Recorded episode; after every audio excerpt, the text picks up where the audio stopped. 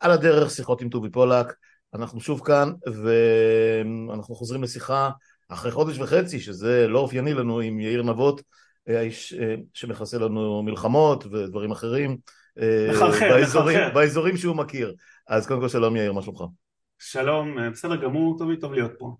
אני שמח ואני תמיד אוהב לארח אותך. אנחנו כבר כל כך מיומנים שאנחנו אפילו את הסמולטו כבר אתה יודע, מתקתקים בלי בעיה. אז נתחיל באמת בשאלה מהירה, תשובה מהירה ככל שאתה יכול. אמ, תראה, אנחנו נורא עסוקים פה בארץ הקודש אה, במה שקורה לנו פה עם ההפיכה והמחאה. מדובר כבר, כן, הבחירות היו ב-1 בנובמבר, הנאום של יריב לוין היה בתחילת ינואר, אה, and the rest is history, זאת אומרת שמונה חודשים שאנחנו ברחובות פלוס מינוס, אה, חלק מזה אתה מכיר כמובן אתה רואה הכל וגם אפילו ביקרת והלכנו, שוטטנו לנו יחד קצת בקפלן. אה, ו...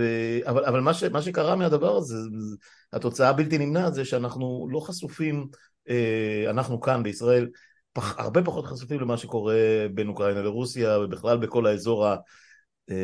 חצי מזרח אירופי הזה שהוא מתערבב, הרי אתה יודע, פולין, בלרוס, רוסיה אוקראינה, אה, בנותיה והיחסים מול העולם והכל.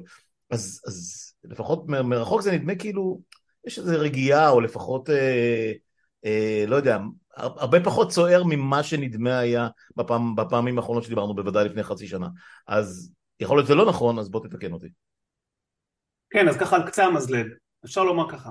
אנחנו אה, אה, נמצאים כרגע כבר אה, יותר מחודשיים מאז תחילתה של מתקפת הנגד הקרקעית האוקראינית היא מתקדמת על פי כל הסימנים ועל פי כל מה שאנחנו רואים אמ, באופן משמעותי לאט ממה שציפו או חשבו זה דבר אחד. במקביל זה גורם לזה שהקרבות שה, בין הרוסים לאוקראינים מתפשטים לזירות ולממדים אחרים ביניהם הזירה אה, הימית בים השחור ביניהם מתקפות אוקראיניות הולכות וגוברות בתוך שטח רוסיה כולל על מוסקבה וגם זה נובע מתוך אה, אה, אירועים אחרים שהתרחשו אה, בחודש האחרון או בשבועיים שלושה האחרונים שהעיקרי שבהם הוא סופו של ההסכם לייצוא תבואה מאוקראינה שרוסיה החליטה שהיא לא מעריכה אותו ולהחלטה הזאת היו השלכות שאנחנו רואים אותן כרגע בשטח בין השאר בזירה הימית אבל נדבר על זה כן, בהחלט. אה, נדמה לי שבפעם האחרונה שדיברנו, או אחת לפני האחרונה, אני כבר לא זוכר, היה גם את הדרמה, כן, אחת לפני האחרונה, את הדרמה הגדולה של כוח וגנר, ש... שמה שנקרא uh, was marching in to מוסקבה, אבל, אבל נעצר כן. והכל התקפל ואז ראו את, את uh, פרוז'ינובסקי בתחתונים באוהל. פריגוז'ין, כן. פריגוז'ין. דברים שונים ומשונים ומאז זה, זה פחות או יותר, פה לפחות לא שומעים על זה. אמ, אה, אבל, אבל באמת יש, יש גם סכסוך פתאום שהתגלה בין ישראל לאוקראינה בענייני פליטים, אה, ביטוח רפואי, רווחה.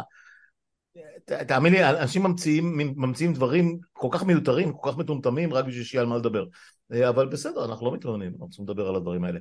בסדר, נדבר על הכל. אמ, אז זהו, אז כמו שאמרנו, אתם בפודקאסט שלי, ויש לנו עוד חדש, הוא כבר לא כל כך חדש, אבל אתמול מי שאגב אה, אה, ביקר בפארק ארבע עונות יכול היה לראות את Silent Regression והלהקה שבה חבר הבן שלי הופיעו על הבמה בפסטיבל הבירה היה מאוד מאוד נחמד והשמיעו גם את השיר שממנו לקחנו את אות הפתיחה, הם נתנו לנו את אות הפתיחה החדש של הפודקאסט, Isolation, אז uh, without further ado נשמע את, uh, נשמע את uh, האות המוזיקלי שפותח את הפודקאסט ומיד אחר כך נחזור לשיחה מלאה עם יאיר נבות על מה שקורה לא כאן.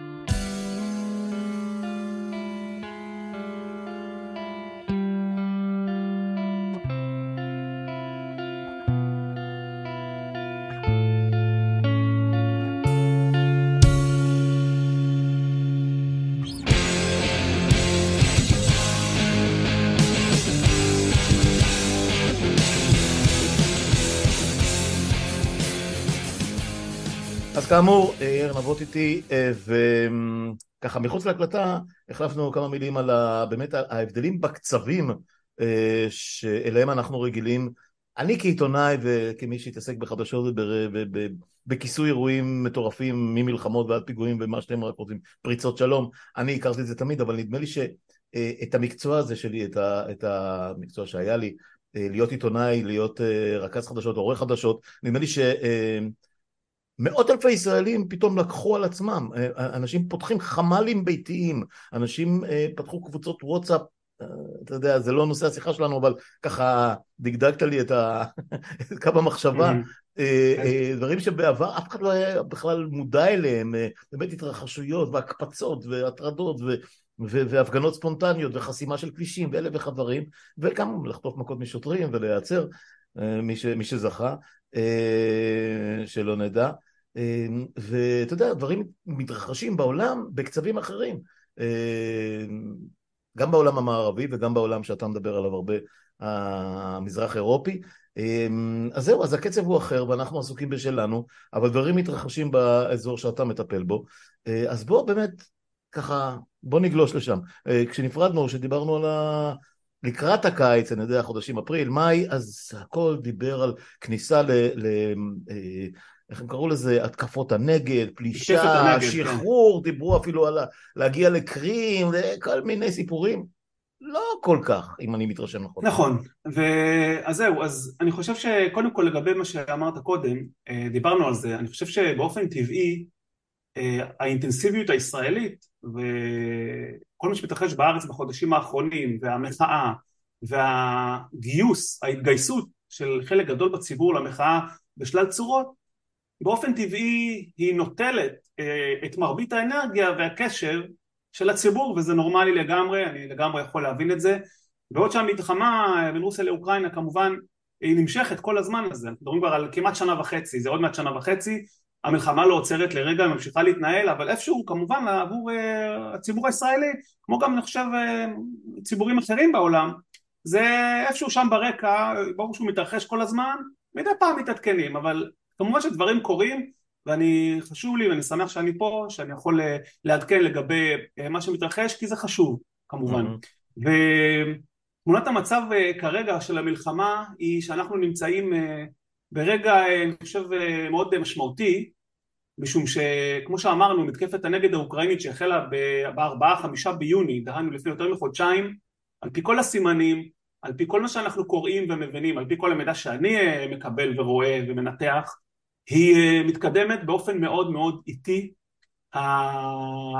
הציפיות ככל הנראה גם היו כל כך אה, גבוהות או אפילו הייתי קורא לזה השאיפה הייתה כל כך, כל כך אה, גדולה והציפיות היו כל כך גבוהות בין השאר בגלל הסיוע המערבי כמובן. ומה שאנחנו רואים בשטח מבחינת תוצאות אחרי יותר מחודשיים הוא די רחוק ממה שחשבנו או ממה שחשבו גם במערב ואני בטוח גם באוקראינה עצמה בנקודת הזמן הנוכחית. קו ההגנה הרוסי, בייחוד בחזית אה, זפוריז'ה, בחזית דרום אוקראינה, קו, אותה, אותו קו הגנה, קו ביצורים, מערכי הגנה אה, מורכבים של מכשולים ועשרות אלפי מוקשים, שדות מוקשים ומכשולי טנקים ותעלות ושוחות לחימה, המכשול הזה מתברר כאתגר עצום, כאתגר עצום עבור הצבא האוקראיני יש אזורים מסוימים שבהם הוא כן הצליח להתקדם לקראת אה, אה, קו המכשולים הראשון, אבל חשוב להבין שהאוקראינים פועלים בסך הכל בנחיתות. אין להם אה, עליונות אווירית, אין להם הגנה אווירית מספקת, ולפרוץ מכשול כזה אה, זה אתגר עצום עבור כל צבא, אה, בטח ובטח עבור צבא שלא מנוסה כמו האוקראינים במהלך כזה מורכב, תוך הפעלה של, אה, לא ניכנס פה לטקטיקות צבאיות, אבל תוך, תוך כדי הפעלה של אה, נקרא לזה כוחות אה, משולבים ויכולת משולבת שכוללת כמובן במצב אידיאלי תמיכה אווירית, ארטילריה, חיל רגלים, ציוד הנדסי כבד וכן הלאה. נכון לעכשיו האוקראינים מתקשים לפרוץ אה, את המכשול הרוסי וזה לא אומר כמובן שהדברים הם לא ברי שינוי. הדברים יכולים להשתנות כי הנסיבות בשטח יכולות להשתנות ואם האוקראינים יצליחו באזור מסוים כן למצוא פרצה ולפרוץ פנימה בכל זאת אז יכול להיות שהתמונה עשויה להשתנות ועשויה להשתנות מאוד מהר ולכן צריך כמובן אה, לומר את הדברים עם ההסתייגות, ה... אה, מה שהיה עד אתמול לא אומר שזה יהיה גם אה, הלאה. אז אני אשאל אותך רגע, אני, אני אשאל אותך רגע, בשביל של, שלא נשכח להזכיר את זה אחרי זה, כשאתה אומר מאוד איטית ומתקשים מול המכשול והכל, יש להם הישגים? זאת אומרת, הם הצליחו במקומות מסוימים אכן לשחרר ערים או לשחרר אזורים או, או לפגוע הצ... באופן ממשי בצבא הרוסי? תראה, העניין הוא... אני מדבר מאז יוני, לא כן. לא כן, כן, לא, מאז תחילת מתקפת הנגד. כן. בסופו של דבר, אה, מה שחשוב עבור האוקראינים פה, כמובן גם אה, פגיעה בתשתיות, בלוגיסטיקה הרוסית, במחסני תחמושת, מאגרי דלק וכן הלאה, אבל כמובן שבשורה התחתונה האוקראינים וגם אגב המערב שתומך באוקראינים תמיכה מאוד מסיבית השאיפה והרצון הוא לראות תוצאות והתוצאות האלה חייבות לבוא לידי ביטוי בהיקף השטח המשוחרר ובתנועה משמעותית של הצבא האוקראיני דרומה לכיוון אה, אותו אה, אה, חוף, חוף הים הצפוני של ים אזוב שבעצם מהווה את המסדרון הקרקעי בין רוסיה לבין חצי האי קרים.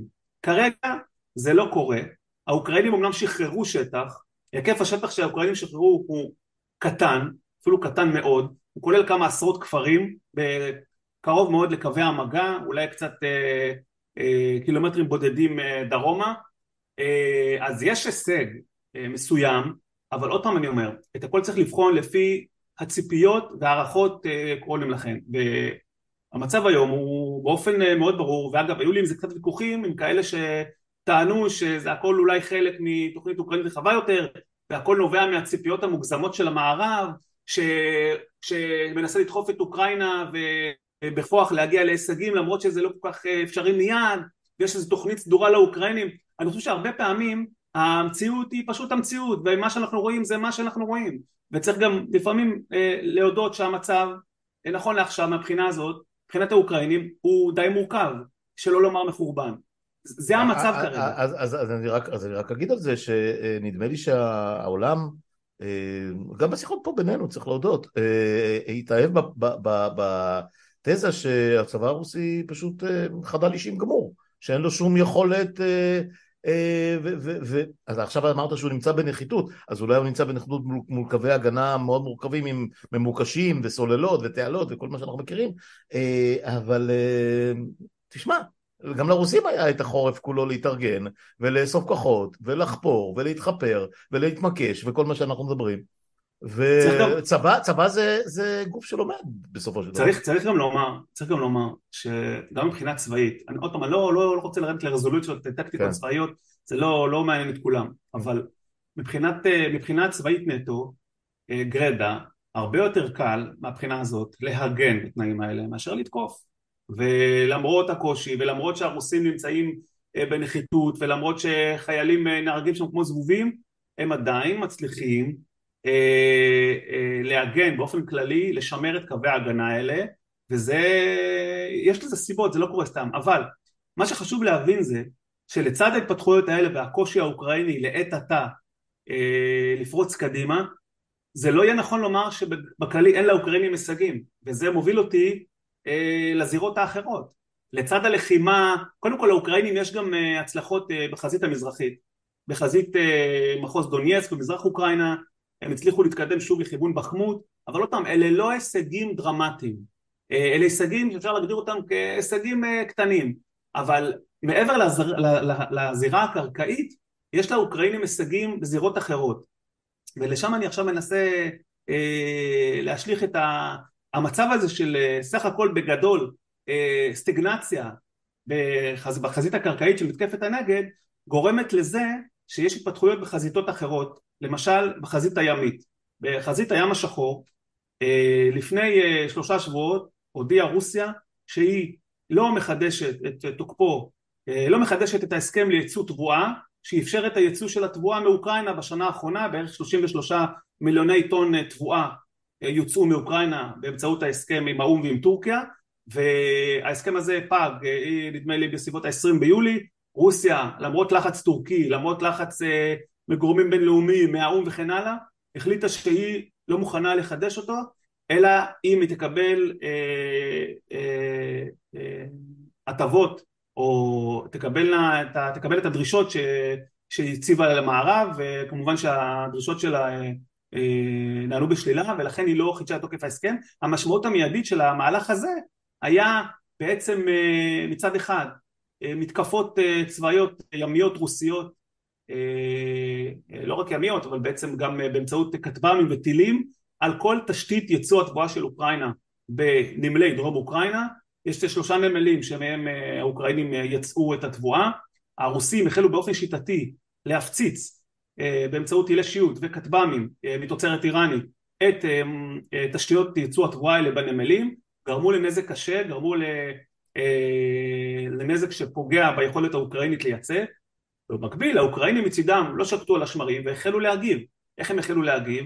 באמצעות שימוש במה שנקרא כשב"מים, כלי שיט בלתי מאוישים, כן, לא להתבלבל עם השמות, כטב"מים, כשב"מים וכן הלאה, אבל, uh, אבל הם עושים את זה, צריך לומר, ביעילות, הם מפעילים uh, כלי שיט בלתי מאוישים חדשים, הם הצליחו בשבועיים שלושה האחרונים לפגוע גם בספינה נחתת גדולה של הצי הרוסי, להשבית אותה, הם הצליחו גם לפגוע ממש בשבוע שעבר במכלית אה, אה, נפט אה, רוסית גדולה שהעבירה נפט, עסקה בהברחות נפט בין רוסיה לסוריה והם מאוד פעילים בזירה הימית וכרגע לעת עתה הרוסים לא כל כך מוצאים פתרון לדבר הזה.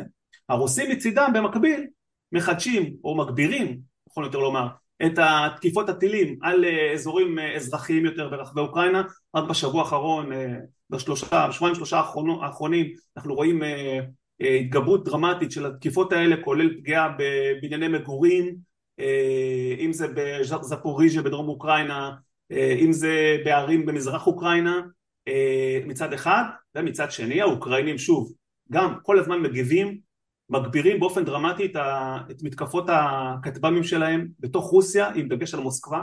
בחודש, רק בחודש האחרון ארבע חמש פעמים של תקיפות חלק מהן הצליחו לפגוע בין השאר כמובן אזורים שאני מכיר מצוין אה, ברוב העסקים של העיר, הרוב היוקרתי זה נקרא אה, אה, מוסקו סיטי, אזור של גורדי שחקים ומוקמים שם כמה מהמטות של התאגידים הגדולים, מוקם שם גם, מוקמים שם חלק מהמשרדים הממשלתיים, המשרד לפיתוח כלכלי הפדרלי הרוסי, לא משנה, אלה, זה אחד מהסמלים של ההתפתחות של מוסקבה. ממש, ממש נגרם נזק שם?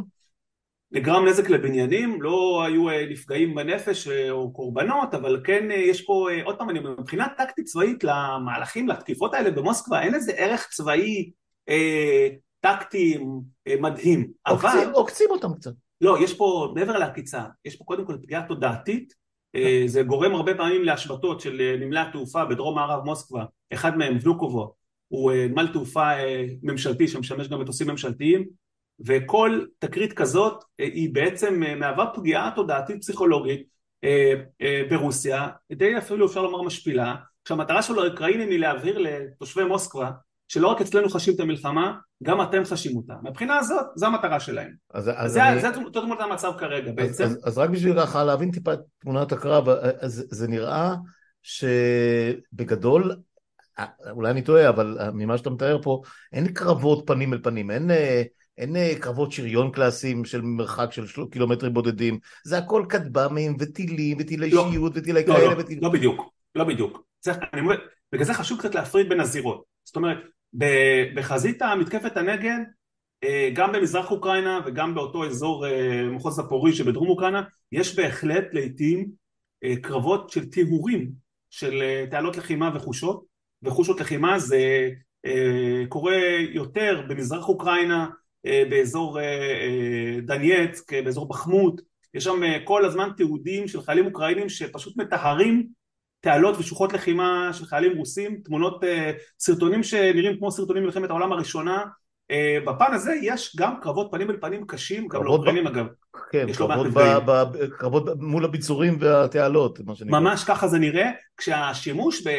קודם כל אפשר לעשות על זה פרק שלם נפרד, השימוש של שני הצדדים בכלי טיס בלתי מאוישים בגדלים שונים, כמו אה, אותם כלי טיס גדולים שמגיעים למוסקבה, או רחפנים קטנים יותר, ששני הצדדים עושים בהם שימוש מודיעיני טקטי וגם אה, התקפי, אה, ממש משנה את פני הלחימה, וזה קורה בכל החזיתות, הרוסים משתמשים בזה, האוקראינים משתמשים בזה, וזה ממש,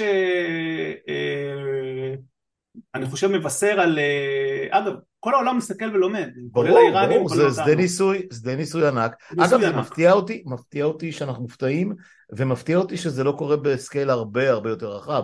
זאת אומרת, אה, אתה יודע, בכל מיני סרטים, אה, אה, בוא נתחיל ככה, זה, זה, זה, זה הגיע, מגיע מאירועים גרנדיוזיים כמו אה, ב, ב, במונדיאל נדמה לי, היו כל מיני מפגנים, רואים את זה במפרץ המון, או במזרח הרחוק, מפגנים של באמת אלפי נכון, drones כן. כאלה, רחפנים כאלה, רחפנים עם, עם לייזרים ועם כל מיני אורות, נכון.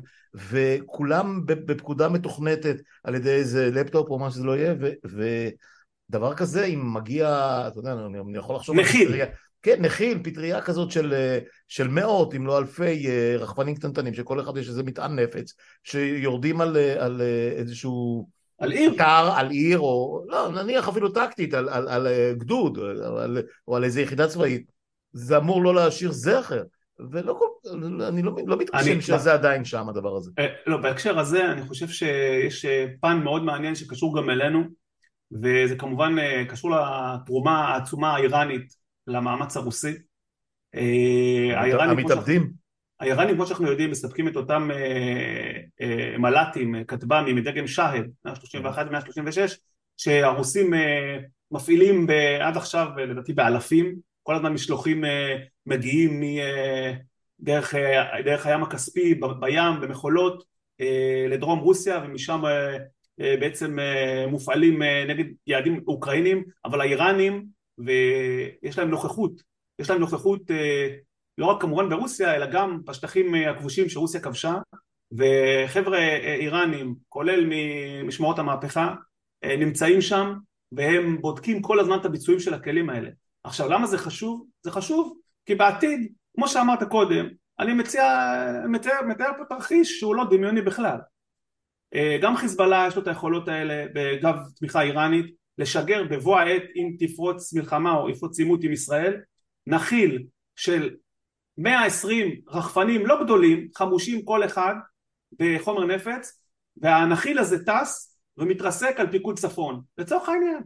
אה, מטוס או טיל יכולים להפיל כטב"ם, שניים, שלושה, ארבעה, מול אה, ארבע מאות כטב"מים במכה, סביר להניח שכמה מהם יצליחו לחדור, לצורך העניין. כן. ולכן יש פה השלכות שקשורות, אני חושב, אה, גם אלינו, אבל זה כמובן פן נפרד של כל הסיפור הזה.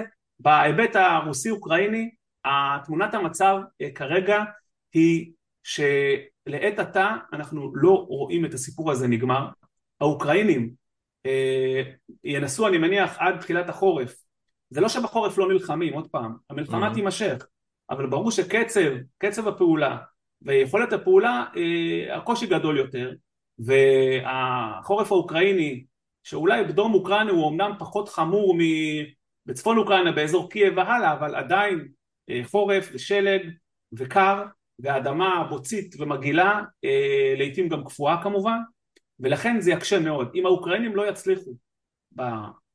אני חושב שישה עד שמונה שבועות הבאים אה, לייצר הישגים משמעותיים של שחרור שטח בהיקף אה, סביר, זאת אומרת היקף גדול, לא שלושה ארבעה כפרים אלא אה, נקרא לזה לא מעט קילומטר רבוע, אני חושב שאנחנו ניכנס לתקופה די בעייתית, צריך להבין שגם המערב, נסתכל המערב בביט, ארה"ב כמובן מושקעת עד הראש בתמיכה באוקראינה בעשרות מיליארדי דולרים, למעשה תמיכה שמסתכמת רק ארה"ב בסביבות 62 אה, מיליארד דולר. אה, הרוב של זה בסביבות 45 או 43 מיליארד זה סיוע צבאי פרופר. mm-hmm. ולכן זה לא אומר שאם האוקראינים לא יצליחו אז המערב יפסיק לתמוך באוקראינה. אבל ככל שהסטגנציה בשטח עצמו תימשך. ככל שהרוסים יצליחו להגן יותר אה, בעקשנות ובעקביות על השטחים שהם כבשו אנחנו נלך ונתקרב לרגע, אני לא, קשה לתת אה, מסגרת זמן, אבל זה יכול להיות כמה חודשים עוד, אנחנו עשויים להגיע לרגע שבו יותר ויותר קולות במערב אה, יגיעו למסקנה, נכונה או לא זה כל אחד לפי ראייתו, אבל יגיעו למסקנה שהסיכוי לשינוי דרמטי בשטח על ידי הישגים אוקראינים צבאיים הוא מאוד קטן, ואז יתחיל לחץ על אוקראינה אה, להגיע לאיזשהו הסדר אה, אה, דיפלומטי, אגב כמובן שגם פוטין מבין את זה ופוטין מעבר לזה הוא כמובן משחק על זמן כי הוא רוצה למשוך עד הבחירות בארצות הברית זה לא כל כך רחוק כמו שזה נראה. יש להם ברקע את טראמפ עם כתבי האישום ועם כל, כל הצהרות שלו. הוא יכול להיבחר אגב. א', הוא יכול להיבחר, ב', גם אם לא, הוא עדיין, זה תקופת, לא, לא, מבחינת, מבחינת המועמד הרפובליקני זה יהיה הוא. זאת אומרת, אם, אלא אם כן יקרה, יקרה לו משהו, הוא לא, אין, אין לו תחרות באמת שם, הוא מביס אותם בידיים קשורות מאחורי הגב. אבל... מה זה אומר, מה זה אומר על רפובליקנים? דיברנו על זה מספיק פה בפודקאסט ובכלל אנחנו, אנחנו מבינים על מה מדובר. עוד איזה משהו לפני שנעבור לעניין הישראלי, אוקראיני, עוד כמה, עוד כמה דברים שקשורים ברמה היותר גלובלית. היה דרמה נורא גדולה עם הכוח וגנר, עם כל הסיפור הזה, עם המצעד, עם, ה, עם הסחיטה, עם פוטין שלרגע נראה היה שהכיסא שלו מתנדנד, עם, עם, עם זה שהוא נעלם מה, מהקרמלין לכמה, לא יודע מה, יום יומיים, ולא ידעו איפה הוא והכל. זה, זה, זה, כמו שזה בא ככה זה התאדה, מין פוף כזה, אה, הכוח הזה קיים, אה, פרוגוז'ין קיים, אה, אה, אה, החיילים אה, חזרו לצבא רוסיה, התאדו, פוזרו, מה, נהיה מהדבר כן. הזה? קודם כל נעשה סדר. הדרמה הייתה באמת אדירה, והיא הייתה דרמה אמיתית, בניגוד להרבה אחרים שטענו או חשבו, או חלקם עדיין חושבים, שהיה פה איזשהו מהלך מאוד מתוחכם של, של הרוסים עצמם, שעשו איזושהי פייק הפיכה כדי למנף את זה לטובת מהלכים כאלה ואחרים, uh, אני סבור שהעניין הזה היה אמיתי, אה, והיו רגעים ושעות שבהם המשטר הרוסי אה, אה, באמת עלול היה לעמוד על בלימה. מה שקרה זה שלכישלון המרד הזה בעצם היו לו בהחלט השלכות וההשלכות באות לידי ביטוי בכמה צורות. קודם כל צריך, צריך לומר שהמרד הזה חשף או אפשר לקרמלין, לממסד, לנשיא פוטין, אה, לעשות סדר בשורות הצבא הרוסי, כולל הדחות של אה, קצינים בכירים רבים שהזדהו עם כוח וגנר, היו קשורים אליו בצורה כזאת או אחרת. אה, הדוגמה הכי טובה זה אותו גנרל סורוביקין, שהיה בעבר מפקד הכוחות הרוסים באוקראינה, ומאז אותו אה, ניסיון מרד הוא פשוט נעלם, עד עכשיו לא ברור איפה הוא, הוא לא הופיע בפומבי מאז, ההערכה היא שהוא נעצר, יחד אגב עם עוד, אה, עם סגנו ועם עוד אה, קצינים אחרים, היה את אותו סיפור על קצין מאוד בכיר שפרסם בקולו הודעה ובאו אותו גנרל פופוב שבה הוא מבקר קשות את לא אחר מאשר שר ההגנה סרגי שויגו ואת צמרת משרד ההגנה שהוא בעצמו קצין בכיר באותו מערך. אה, הוא, אה, גם הוא אה, הודח. ולכן מה שנעשה זה סוג של ניקוי אורוות. זו הייתה השלכה המרכזית של המרד הזה. פוטין עשה ניקוי אורוות בצבא הדיח לא מעט קצינים בכירים. ולמעשה ישר קו עם שר ההגנה סרגי שויגו שפריגוז'ין הוא אויבו הגדול. אבל פריגוז'ין עצמו צריך לומר לא נעלם. פריגוז'ין עצמו הופיע כמה וכמה פעמים מאז אפילו התקיימה פגישה בקרמלין ב-29 ביוני כמדומני, ממש ימים בודדים אחרי המרד, אה, שבה אה, פוטין כינס את פריגוז'ין ואת אה, עשרות מפקדים בכירים של וגנר ושוחח איתם. פריגוז'ין היום הרבה יותר חלש ממה שהוא היה, אין כרגע לוחמים של וגנר יותר בכלל באוקראינה. אז, אז, אז המיליציה הזאת פורקה? המיליציה הזאת לא בדיוק פורקה, המיליציה הזאת חלקה כרגע עד ממש לפני כמה ימים אה, אה, אלפים מהם אה, היו בבלארוס הוציאו אותם לרגילה, לנופש באשקלונה. קודם כל שלפו אותם ממעגל הלחימה, הם לא נמצאים באוקראינה יותר.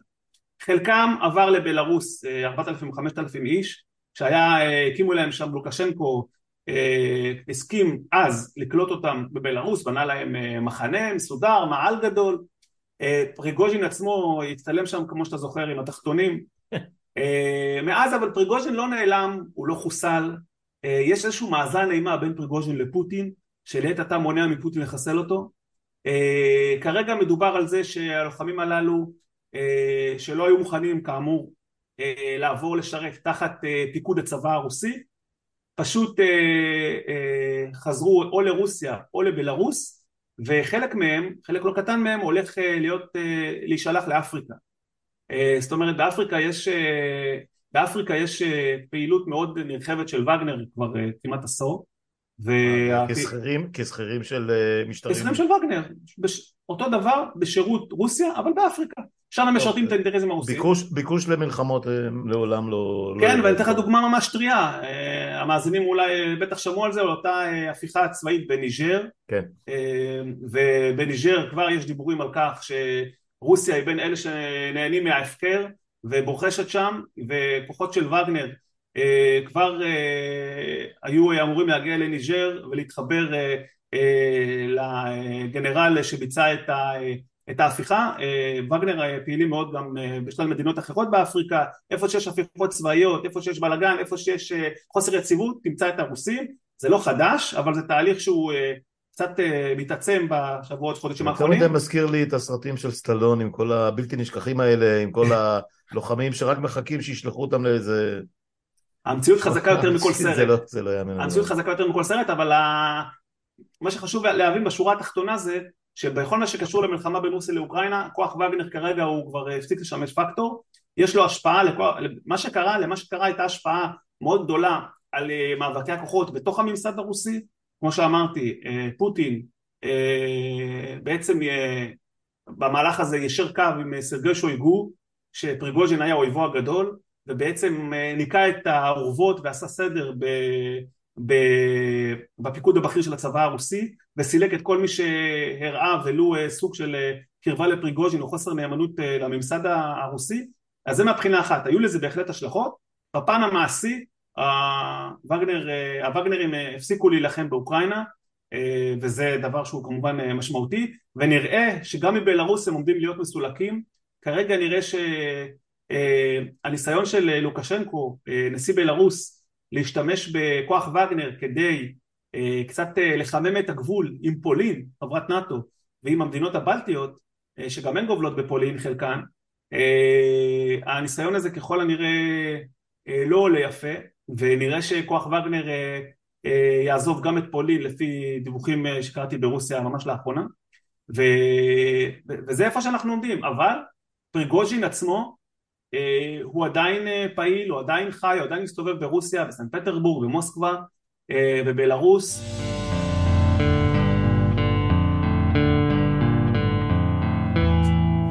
אוקיי, אז זה המצב, אז זאת אומרת, זאת אומרת, מה שצריך להסתכל עליו זה באמת המגמות של השבועות הקרובים לפני שיתחילו ניצני החורף שבאזורים האלה מגיעים יחסית מוקדם, אני מניח בחלק השני של ספטמבר זה כבר יהיה תחילת אוקטובר, תחילת אוקטובר זה כבר מתחיל להיות מאוד מאוד קר וזה לבטח ישפיע על הלחימה.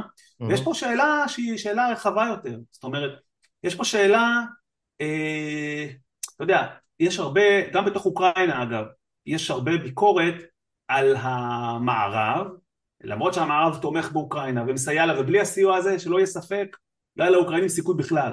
הסיוע הוא הסיוע הוא מוסיבי, הוא בא לידי ביטוי בהמון צורות, לא רק סיוע צבאי, אלא גם כסף, תמיכה מודיעינית, לוגיסטית וכן הלאה.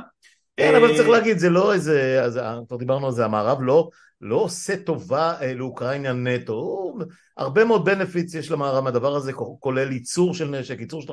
ראינו עכשיו את ההתפארות של הגרנדמייזר שלנו, לא ישירות, אבל, אבל ישראל נורא נורא מאושרת מה, מהמצבים האלה כי מכירות והזמנות הנשק והתחמושת מהתעשייה הצבאית הישראלית מרקיעות שחקים באמת אוף דה צ'ארטס אז מלחמה זה, נכון, מלחמה זה עסק טוב לכולם.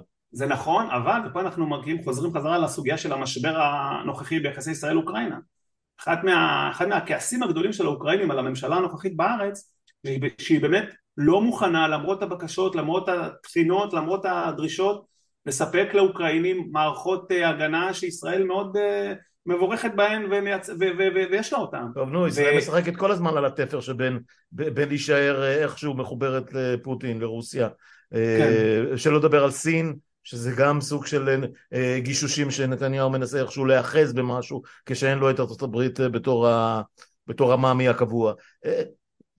ישראל משחקת כן, משחק מאוד. אבל בהקשר האוקראיני כמובן יש פה, יש פה חשיבות כי אנחנו נמצאים כרגע, אני חושב, כתבתי על זה אתמול, אנחנו נמצאים כרגע בנקודת זמן מאוד רגישה ביחסים בין ישראל לאוקראינה, האוקראינים על פי פרסום בעיתון האוקראיני קייב פוסט, יש להם בטן מלאה על ישראל והם א' מאיימים שלא לחדש את, את אותו פטור מוויזה כן. לישראלים, כן. כל זה נעשה כמובן ערב אותה הילולה באומן במרכז, במרכז אוקראינה של אותם כל חסידי ברסלב. אני, ש... אני, מציע, אני מציע שבאמת עכשיו הצעה לסדר, תנו להם ויזות אבל קחו מהם את הכרטיס חזרה.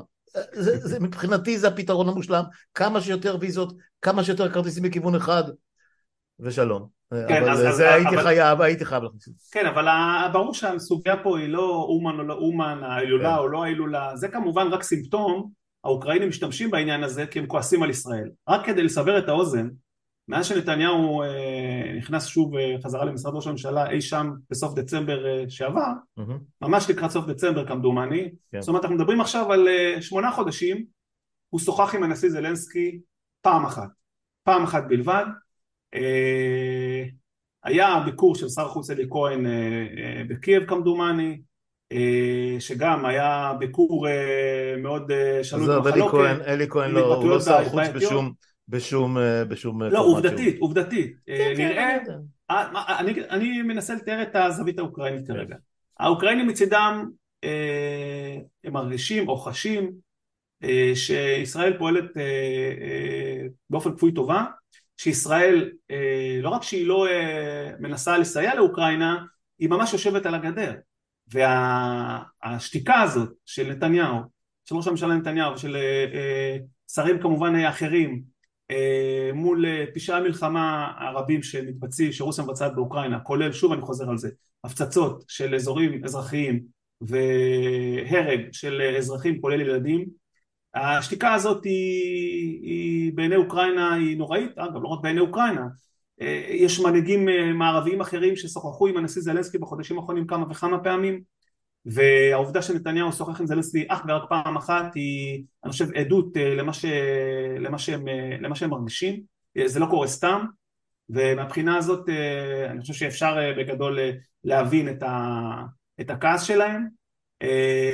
ויש גם עכשיו את הסיפור עם, עם שלילת או, או הפסקת התמיכה הרפואית רפואה נכון. ורווחה נכון, בפליטים לא שהגיעו לכאן לא מאוקראינה. לא ציינתי את זה, אבל אני משוכנע שזה חלק מהסיבות שהאוקראינים כועסים. זאת אומרת, התחושה היא שאיפה שישראל יכולה לעקוץ את האוקראינים, היא עושה את זה.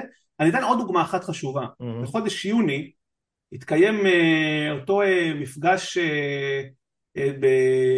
התקיים המפגש תקופתי בבסיס חיל האוויר האמריקני ונאט"ו ברמשטיין בגרמניה, mm-hmm. של אותו פורום בין 54 מדינות שהתכנס מיד אחרי שהחלה המלחמה, זה בעצם סוג של פורום ייעוץ של אה, בדרג שרי ההגנה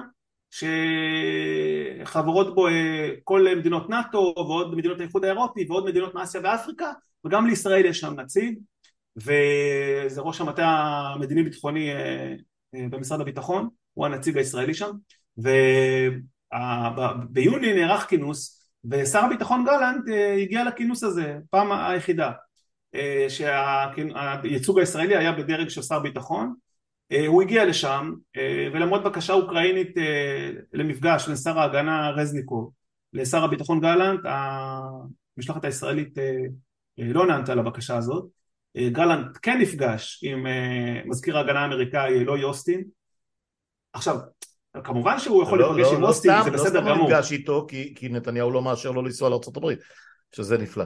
הוא נפגש עם אוסטין, אבל מה שמאוד חרה לאוקראינים זה שהוא לא טרח להיפגש גם עם שר ההגנה האוקראיני. Mm-hmm. זאת אומרת, כל הדברים האלה בעיני האוקראינים הם מהווים סוג של אה, אצבע בעין, סוג של, אה, אם אתה רוצה, כן, אפילו סוג של השפלה. אה, והזעם הזה כבר מתבשל כמה חודשים, ובהתחשב בעובדה שישראל ממשיכה לסרב לכל הבקשות האוקראיניות לספק אה, מערכות אה, אה, הגנה, אז נבנה פה איזשהו זעם ותסכול שהוא יוצא כרגע, בא כרגע לידי ביטוי בתוצאה הנוכחית ובעובדה שיש משבר, יש משבר ביחסי ישראל-אוקראינה, המשבר הזה הוא אמיתי, המשבר הזה הוא מוחשי, וישראל, אנחנו דיברנו על זה הרבה פעמים, נראה שישראל אה, ממש מתעקשת אה, שלא למצב את עצמה אה, באותו מחנה של המדינות הדמוקרטיות הנאורות שתומכות באוקראינה, לא רק בדיבורים. ישראל היום לא, לא, לא דמוקרטיה ולא נאורה, מה נעשה? אבל זה מה ש... זה, ה, זה בעצם זה המשך המשפט שלי, שאני אנחנו אומנם מתלוננים הרבה על אנטישמיות, כולל באוקראינה, כולל על כך שהם מפארים ומפללים דמויות אנטישמיות מהעבר, שחלקית זה נכון, אבל אנחנו אולי צריכים גם, אולי זה קצת צבוע מצידנו, כי אנחנו בעצמנו, יש לנו בממשלה שרים שהם שרים גזעניים, שלא מוכנים שהאישה שלהם תשכב עם יולדת ערבייה בחדר לידה, ותומכים במדיניות שהיא א' לא חוקית למשל הקפאה של תקציבים לרשויות מקומיות ערביות רק כי הן ערביות אז אתה יודע, אין הנחתום מעיד על עיסתו. אני, אני אגיד לך משהו אה, שהוא פרזה, אה, במשך שנים, גם כשהיינו נערים וילדים, אה, כל הזמן דיברו מה, מה, מה צריך ללמוד, איזה לקח צריך ללמוד מהשואה, ממה שקרה בשואה, מה שקרה במלחמות הגדולות והכל. ותמיד היה זה, ועם לבדד ישכון, ותמיד יש לנו בית לאומי ויש לנו פה ויש לנו שם, ואנחנו צבא חזק, והמט, והמטסים מול מעל אושוויץ וכל הסיפורים הידועים. והצינים, והיום מסתבר שזה לא כל כך ציני, אומרת במקרה של אה, אה, שואה חדשה, במקרה של רצח עם חדש, ישראל מתעקשת להיות בצד שמבצע את, ה, את הפשעים, או לפחות לתמוך בו. כי נדמה לי, נדמה לי שזה אה, הלקח ה... אתה יודע, so to speak, אה, לא, לא ניכנס עכשיו להגדרות מדויקות, אבל אנחנו איכשהו מוצאים את עצמנו בצד הרע של כמעט כל סכסוך שאפשר להעלות על הדעת, באפריקה עם כל מיני עסקאות מחורבנות, במרכז אמריקה. אה, קח את ה-NOS, קח את תוכנות ריגול שמסייעות לדיקטטורים. אה, כן, כן, כמובן, כמובן בכל הסיפור ה... מכל הסדרת השיחות שעשיתי עם עומר דנק פה על, על המנהיגות, על הפופוליזם והמנהיגים שנבחרים בבחירות דמוקרטיות ו, ו, ולוקחים את המדינות שלהם לסף דיקטטורה, דיקטטורה רכה או דיקטטורה כלשהי. אמ, כן, אולי, אולי באמת אה, הימין הישראלי או הימין הלאומני הישראלי והימין המשיחי, המשיחי הישראלי, אה, זאת ה... זה, זה, זו, זה המודוס אופרנדי שלו, אה, איך, איך לשרוד בעולם הזה ואיך להשליט את תורת הגזע שלהם, סליחה, אבל זה המצב, על, אה, על, על, על להפוך אותה למדיניות ישראלית רשמית. אה, ואנחנו רואים את זה מול העיניים, אתה יודע, לא צריך ללכת יותר מדי רחוק, נתת בעצמך כמה דוגמאות. טוב, בסדר, תשמע, אני חושב שקיבלנו תמונה פחות או יותר מהימנה, ככל שאני יכול לשפוט, אה, לא מתלהמת וגם לא מייפה את המציאות אה, אה, לא, לא, לא, ב, לא בזירה הצבאית ולא בזירה המדינית. אז אולי רק ככה בשביל, אתה יודע, לארוז הכל. דיברנו על המדיניות ארה"ב, מדיניות אמריקאית שמתמקדת בסין ומנסה לראות מה יהיה עם טיוואן מבחינת הכוונות הסיניות.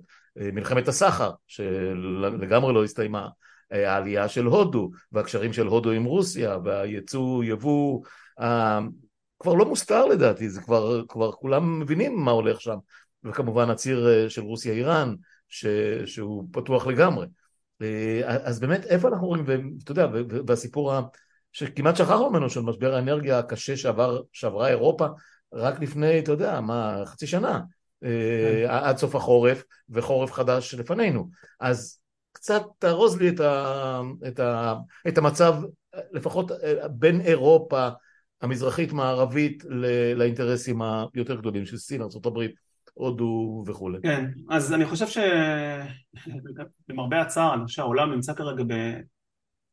בסיטואציה, במצב אה, מאוד רגיש הייתי קורא לו, וככל שאני חושב קדימה, אני לא, לא כל כך צופה טובות, וזה, וזה נובע מכמה סיבות. אה, קודם כל, בכל מה שקשור לאירופה, המאבק הזה מול רוסיה הוא אה, מאבק שהולך, אה, המצב הזה מול רוסיה זה מצב שהולך לדרוש מהאירופאים להקציב משאבים גדולים יותר להגנה ולהוצאות ביטחוניות, להוצאות צבאיות. אני מזכיר שפינלנד הצטרפה לנאטו כבר בארבעה באפריל, אני מזכיר ששוודיה ככל הנראה תצטרף לנאטו בשבועות הקרובים באופן רשמי המשמעות היא כמובן שהיא uh, קודם כל משמעות אסטרטגית רעה מאוד עבור רוסיה uh, והיא משמעות שיש קו חיכוך הרבה יותר ארוך בין המערב ובין נאטו לבין רוסיה. מהבחינה הזאת לפחות כל עוד שפוטין המנהיג ברוסיה, נשיא רוסיה אנחנו נמשיך לראות מצב של מתיחות עקבית בין המערב לבין רוסיה. וזה, וזה אזור אחד של, של מתיחות שלא הולך, אה, שלא הולך להירגע. עוד לא דיברנו כמובן על העובדה שגם אם האוקראינים בסופו של דבר לא יצליחו לשחרר שטחים בהיקף גדול אנחנו עשויים לצפות באיזשהו סוג של הסכם, לא הסכם שלום אלא סוג של הסכם הקפאה או הפסקת אש זמנית שישמר מצב של סכסוך קפוא גם בין רוסיה לאוקראינה וזה ילך איתנו שנים קדימה. אז בזירה האירופית רגוע זה לא הולך להיות. הלאה צריכים להביט גם על זירות אחרות. אנחנו רואים עכשיו זירה מאוד מעניינת שהולכים מתפתחים בדברים מאוד מעניינים וזו הזירה באפריקה. דיברנו על ההפיכה בניג'ר. ההפיכה הזאת בניג'ר יש לה השלכות על כל, הרבה יותר נרחבות ממה שאנשים חושבים. הפיכה צבאית שלישית או רביעית באזור של הסהל אותו אזור שמחבר למעשה בין קרן אפריקה לבין מערב אפריקה אזור של באורך של חמשת אלפים קילומטר ממזרח אפריקה למערב אפריקה והאזור הזה הוא אזור שיש לו, מה שמתרחש בו יש השפעות נרחבות גם בגלל ההשפעה המערבית בעבר ובהווה בין השאר של צרפת וזה עלול להיות זירה חדשה של עימות שגם פה מעורבת רוסיה שמנסה לייצר חוסר יציבות אז זה עוד זירה שיש לה השלכות על מה שקורה. מעבר לזה כמובן הזירות האחרות לא חסרות כמו שאמרת נכון. הזירה של סין וטיוואן הולכת ומתחממת בעקביות. כל ההתנהלות של סין באזור ים סין הדרומי היא התנהלות בשנים האחרונות של אסרטיביות הולכת וגוברת מול שורה של מהלכים בהובלת הברית לייצור בריתות בין השאר עם, יחד עם, אם זה עם אוסטרליה, אם זה עם יפן, אם זה גם עם הודו ומדינות אחרות באזור כדי לעמוד מול האיום העתידי הזה של סין. זה אולי לא יקרה בתוך שנה שנתיים אבל בטווח של חמש שנים עד עשור אני מעריך שאנחנו נראה שם התפתחויות דרמטיות שעלולות להביא למלחמה של ממש בין, בין, בין סין לבין ארה"ב על כמובן שהיא תתמקד באזור, בטיוואן ואני חושב שמבחינה הזאת כן העולם לא רגוע יש לך ניסיון אמריקאי לתת משקל נגד אנחנו רואים יותר, יותר ניסיון סעודי אבל לפתוח או, או לחדש את הברית זה ברית היסטורית, זה מצחיק כשאנחנו חושבים על ישראל, אה, אה, לחיבור אמיתי בין, אה, בין האינטרסים של ארה"ב וסעודיה, כשישראל שוב נמצאת ב, ב, ב, ב, ב, באמצע של הדבר הזה ולא כן, ברור איפה היא תהיה. כן, אבל זו נקודה חשובה ונקודה שצריך, אני חושב, מאוד... נעשה פה רגע משחק ואני אשאל אותך. כן. נניח שהייתה עכשיו בשלטון בישראל ממשלת מרכז ימין, או הממשלה הקודמת, אתה מדבר איתי על הגרעין, אני, והיו אני... מביאים הסכם כזה, ברור, אתה ברור. יכול להניח איזה תגובות היית שומע עזוב, מימין. ראינו, ראינו דוגמה בקטנה עם הסכם המים עם אה, הסכם המים והגז עם אה, לבנון. אבל מה, אבל רגע, אבל יש, אבל האמת היא, באופן פשוט, שחלק מאותן טענות שהיינו שומעים מהם, בהיבט הזה, הן נכונות. מי שסועד, מי ששולט היום בסעודיה, כן, זה לא אומר שהשלטון הזה של אה, מוחמד בן סלמן יימשך לנצח, ואם, אם, בוא, נגיד ש, בוא נגיד שהיציבות בישראל קצת, אה, אה, אנחנו, אנחנו האחרונים שיכולים לדבר על יציבות פוליטית בכמה וכמה העשורים האחרונים, אפילו ביחס ל- נכון. למקומות אחרים שהם נחשבים, לא נחשבים, הם לא דמוקרטיות בעליל. אה, אבל תשמע, זה- אני, אני, אני חושב שהמהלך הזה מול סעודיה, שוושינגטון מובילה, לא, עשוי לא לצאת, לא בהכרח בגלל הסעודים, אלא בגלל, בגלל בגללנו. לא, בגלל, בדיוק. כן, אני מבין אותך. שהמטבע הקשה שבו נתניהו לא יפילו, לשלם על יש הסכם כזה, הערכות שונות, יש הערכות שונות לגבי העניין הזה. אה, המדיניות אה, הישראלית אה, תלך עם, ה, עם הרע במיעוטו במובן הזה של בוא, נס, בוא, בוא נשמור את הממשלה הזאת איכשהו שורדת, גם במחיר של כור גרעיני, אתה יודע מה, חצי צבאי או עם, או עם אופציה לא, צבאית. לא בעניין הזה, שהאמריקאים דורשים מישראל תשלום במטבע נכון, אז הם. יגידו, אז הם יגידו שהם מחדשים איזשהם שיחות אה, בפאתי רמאללה. אה, תקשיב, אה, נתניהו לא יחזיק לנצח, אני יודע את זה, אתה יודע את זה. אה, יש מצב שב, ש, שהמשפט שלו יפיל אותו באיזשהו שלב כי הוא לא ירצה להעיד לקראת סוף השנה או תחילת שנה הקרובה. אם יהיה אה, משפט עוד. אם יהיה משפט, טוב, נו, דעתי ידועה ומתועדת, אבל אני, אני חושב, לצערי אני אומר, שאפילו, אה, אה, לא אוהב את הביטוי הזה, אבל אפילו, אתה יודע מה, אה, התרפסות מוחלטת, אתה יודע, רציתי להשתמש בביטוי כמעט סקסיסטי, אבל לא, לא אגיד אותו, אה, בכל זאת, אתה יודע, המעמד מחייב, אה, ההתרפסות וכניעה ללא תנאים אה, מול כל מיני תכתיבים אמריקאים, סעודים, סעודים אמריקאים ואולי אה, מפרציים, כי גם המפרציות מחכות לראות מה קורה עם הדבר הזה, אה, ולו, ולו בשביל איכשהו לתת משקל נגד להתקרבות בין רוסיה לאיראן, סליחה, בין סעודיה לאיראן, הם יספגו הכל ובלבד לשרוד, זו דעתי, ובכלל אני חושב שהחזון, עזוב רגע את כל השאר, החזון של סמוטריץ' הוא, הוא, הוא כל כך מקומי, וכל כך לא אכפת לו מה העולם אומר, וכל כך לא מעניין אותו, מבחינתו הוא מדבר עם המשיח ועם אלוהים, כן. וזהו, זה לא... אנחנו מדברים, אנחנו מדברים על, על הממשלה הזאת במונחים רציונליים, מנסים לדבר, כאשר הם נמצאים בספרות אחרות, ב, ב, באזורי חיוג שונים, הם, הם לא איתנו בכלל, אז, אז, אז לנסות לנתח, אה, אתה יודע, מהלכים גלובליים, אינטרסים בינלאומיים וכל מיני, במונחים של, של אה, עוצמה יהודית ואיך שהם קוראים להם ציונות דתית, הנוכחית. אז השאלה היא, השאלה היא האם ביידן בסופו של דבר באופן אירוני יהיה זה שיזרוק לנתניהו. אז, אז הטענה היא, כן, אז הטענה היא ש, שהתנאי של ביידן להתקרבות הזאת ולחתימה, וורטר כתב את זה היום, לחתימה על הסכם אה, אתה יודע, עם מדשאות הבית הלבן וכל הארבע לא ידיים, שש ידיים משולבות, זה ממשלת אחדות שתחזיר את גנץ ולפיד על חשבון, אה, בן גביר וסמוטריץ'. עכשיו, זה לא יקרה, זה לא יקרה בדרך הזאת, אז ביידן אולי תמים, אולי לא, אני לא נראה לי שהוא תמים, לא בונה על זה, אז הוא ינסה לכופף את נתניהו בדרך אחרת, באיזושהי נורמליזציה מול הפלסטינים. עכשיו, שם זה כבר סיפור אחר, כי שם זה כן פוגע באינטרסים המאוד ברורים של סמוטריץ' להגיע לסיפוח ולטרנספר. אז... אתה רואה את הממשלה הזאת עם סמוטריץ' ובן גביר הולכת לנורמליזציה עם הפלסטינים? אז, אז שוב, אה, אה, גם את הנורמליזציות של ממשלות שמאל בהרבה מזאת, אנחנו רואים לאן זה הגיע. זאת אומרת, אה, תשמע, אין לי מי לדבר בצד שלנו, לצערי גם יש מעט מאוד מי לדבר בצד השני. אה, לארה"ב אין היום כמעט השפעה, צריך להגיד גם את זה, אה, רמת המעורבות שלה, רמת הנכונות שלה, ואנחנו שומעים את זה, אני שומע את זה. קשב שלה נתון לאזורים אחרים, צריך לומר את זה. כן, כן, לגמרי, דיברנו על זה גם איתך וגם עם כל, כל פרשן שהיה פה אה, בענייני ארה"ב, בענייני... סין, אוקראינה. הם עייפים ואנחנו הרבה הרבה הרבה הרבה פחות חשובים. אנחנו לא מה שהיינו פעם, אנחנו כבר לא המטוסים של המערב במזרח התיכון והקרוב, אנחנו כבר לא הווילה בג'ונגל, אנחנו כבר באמת לא כל כך חשובים. יש, יש כוחות הרבה יותר משמעותיים מאיתנו, ומבחינתם שהסכסוך הזה יימשך לנצח. הוא, הוא, זה, לצערי אני אומר, זה, זה כבר לא מזיז להם, באמת, אתה יודע.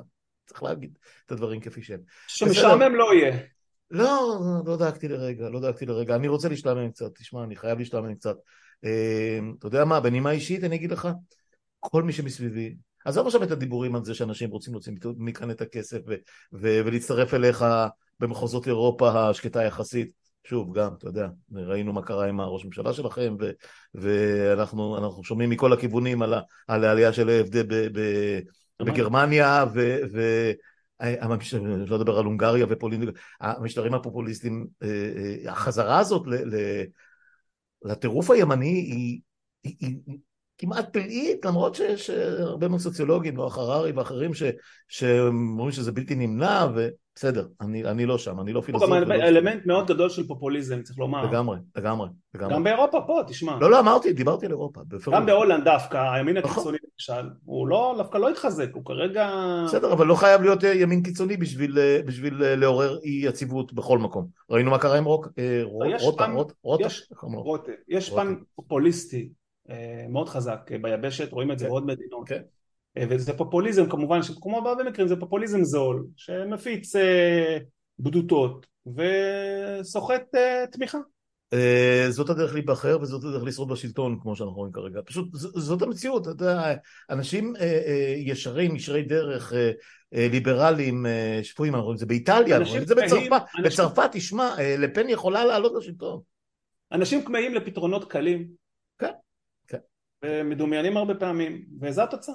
אה, נכון, אז מה שרציתי להגיד זה שהתחלתי, ובזה אסיים, אה, שאנחנו נורא יפים.